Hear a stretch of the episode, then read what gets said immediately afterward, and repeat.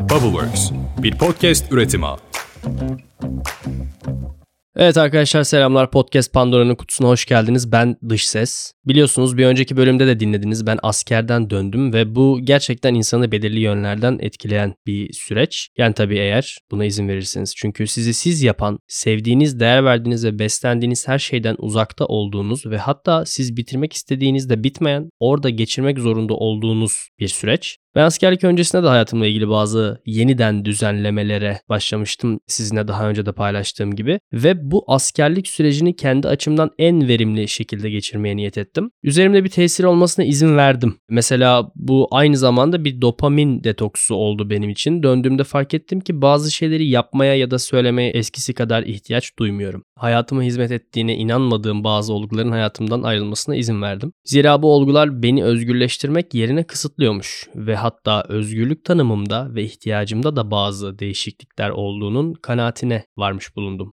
Übermensch ya da süper insan diyor Nietzsche. Mevcut değerler sistemini aşarak kendi değer olgularını belirler ve yaratır. Olması gereken zamanda ve olması gerektiği şekliyle karşıma çıkan Nietzsche'nin Übermensch ya da süper insan olgusuyla ilgili konuşacağız bugün sevgili dinleyenler. Buyurunuz.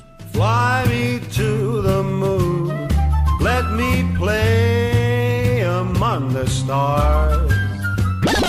Böyle buyurdu Zerdüşt isimli kitabında geçen bu süper insan terimi esasında evrimsel bir perspektiften bakıyor. Var olan insan organizmasının evrimin son basamağı olmadığını söylüyor ve bir üst insan teorisini üzerine düşünmeye itiyor. Hem kendini hem de okuyucuyu kitabın o kısmı. Fakat bu evrimin fiziksel taraflarından çok zihinsel süreci ve sonuçlarıyla ilgileniyor tabii ki. Yani yeni bir uzvumuzun çıkması ya da daha güçlü, daha hızlı olmak gibi değil de düşünme ve düşünerek yaratım gerçekleştirebilme gücünün evriminden ve bir üst seviyeye ermesinden bahsediyor. Bu evrimi tamamlayabilenlere üst insan ya da süper insan demiş kendisi. Üst insanın sahip olduğu özellikleri şu şekilde belirtir Nietzsche abimiz. Üst insan kendi yolundan gider. Otoritelerin, inançların ve sistemlerin kurgu dünyası üzerindeki hakimiyeti ve gücünü kavrayıp bunu reddeden ve kendi inanç sistemini oluşturan insanlar olarak tanımlar bu arkadaşları. Yani toplumsal düzenin varlığını sürdürebilmesi için yürürlülükte olan kavramların varlığını sorgulayıp toplumdaki önemini kavrar. Mesela paranın, yasanın ya da inançların varlık nedenlerini anlar ve bilir. Fakat bunları olduğu gibi kabul etmeyi reddeder. Bunları yorumlar ve kendine uygun şekillerde hayatını adapte eder. Kendi ideallerinin kendi hayatı üzerindeki etkisini diğer tüm olguların ve güçlerin üstünde tutar. Bu sebeptendir ki der üst insanlar bu sürecin içinden geçerken hayatlarının belirli zaman dilimlerinde toplum tarafından dışlanabilir, yalnız ve uyumsuz hissedebilirler. Ancak bedeli ve sonucu ne olursa olsun onlar için kendi yolundan yürümek başka insanların yolunda iç içe yürümekten çok daha anlamlıdır. Kendi anlamlarını kendi yaratırlar diyor yani.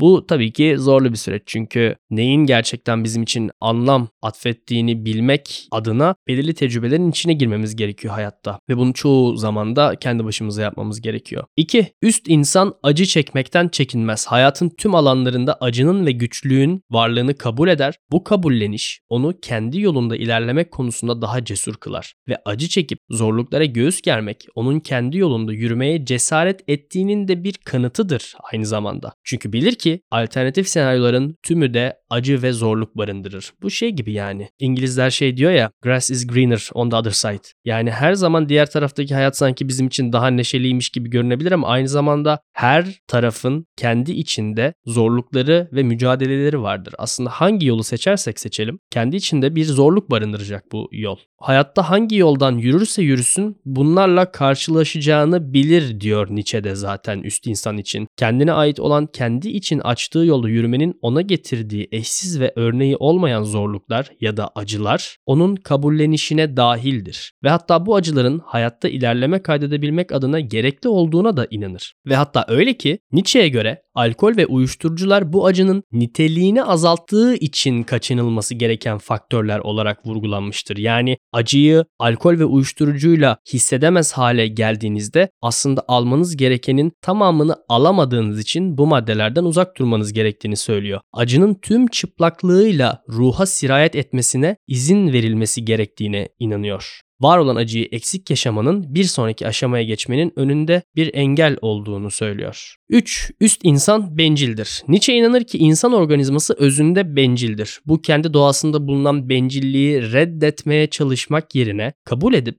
benimsediği ve evrildiği gelişim yolunu tavsiye eder. Üst insan kavramına ulaşmak isteyenler için. Ancak bu bahsi geçen bencillik diğerinin hakkını yiyen ve çıkarcı bir bencillik değil tabii ki. Nietzsche bu bencilliği kendi hayatını kendi yöntemleriyle yönetme, bu yolda hakkını arama ve kendi yolunu yaratıp bu yolda yürümek olarak tanımlamıştır. Yani bencil olmak diye bahsi geçen toplum zararlısı olmak değil, otantik kendiliğini oluşturmak ve bu kendiliğini yaşatmaktır. Ve bunu yaşatmak için de tabii ki iç ve dış kaynakları kullanmaktan bahsediyor.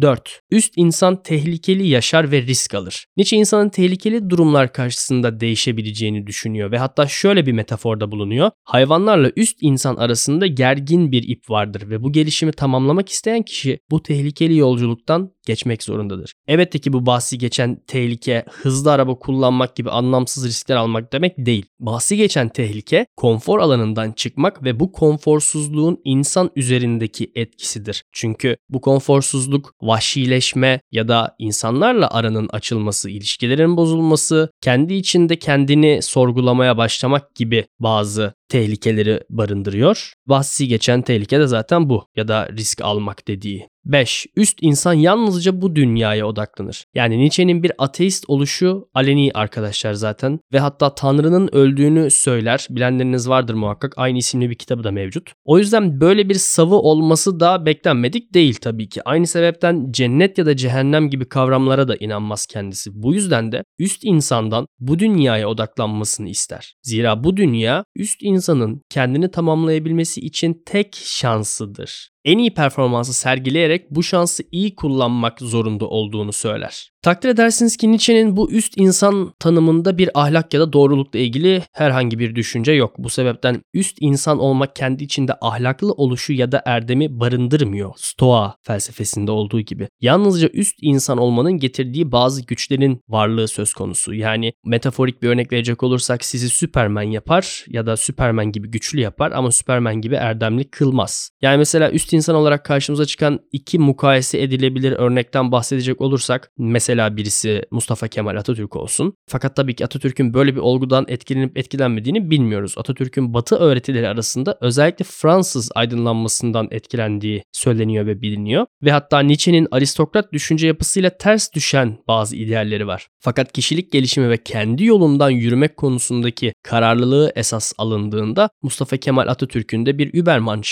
yani üst insan olduğunu söyleyebiliriz. Bir diğer örnek olarak da Adolf Hitler'den bahsedelim ki Hitler'in Nietzsche'ye ve fikirlerine dair hayranlığı bilinen bir şey. Hitler'in de üst insan tanımına uygun bir kişilik yapısı olmasına karşın ikisinin icraatleri, vizyonları ve bu vizyonları uygulamaya koyuş şekilleri arasında çok anlamlı farklar görüyoruz. En nihayetinde herhangi bir hikayede örnek bir kötü karakter ismi verildiğinde Hitler'den bahsedilirken Türkiye'deki insanlara herhangi biriyle sofrada yemek yiyebilir olsaydınız bu kim olurdu sorusuna da açık ara farkla Atatürk cevabı veriliyor. Yani bu örnek bile esasında Übermensch kavramının kendi içinde barındırdığı ya da hatta barındırmadığı ahlak tanımını vurgulayabilir nitelikte. Bu süper insan kavramındaki geleneksel ahlak eleştirisi biraz sert. Nietzsche'ye göre geleneksel ahlak zayıf olanı öne çıkaran, güçlü olanın ilerleyişini engelleyen ve aradaki farkın açılmasını önlemek adına zayıfların toplumu kontrol altında tutmak için var ettiği bir kavram olduğunu söylüyor.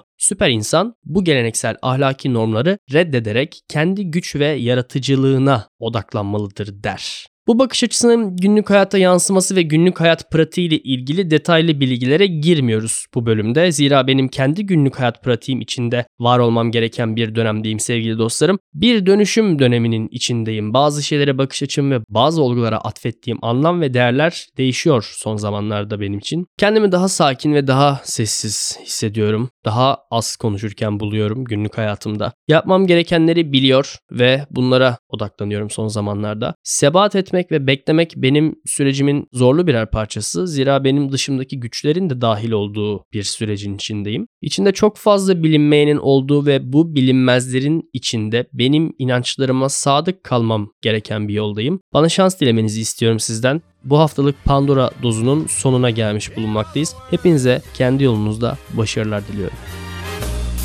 I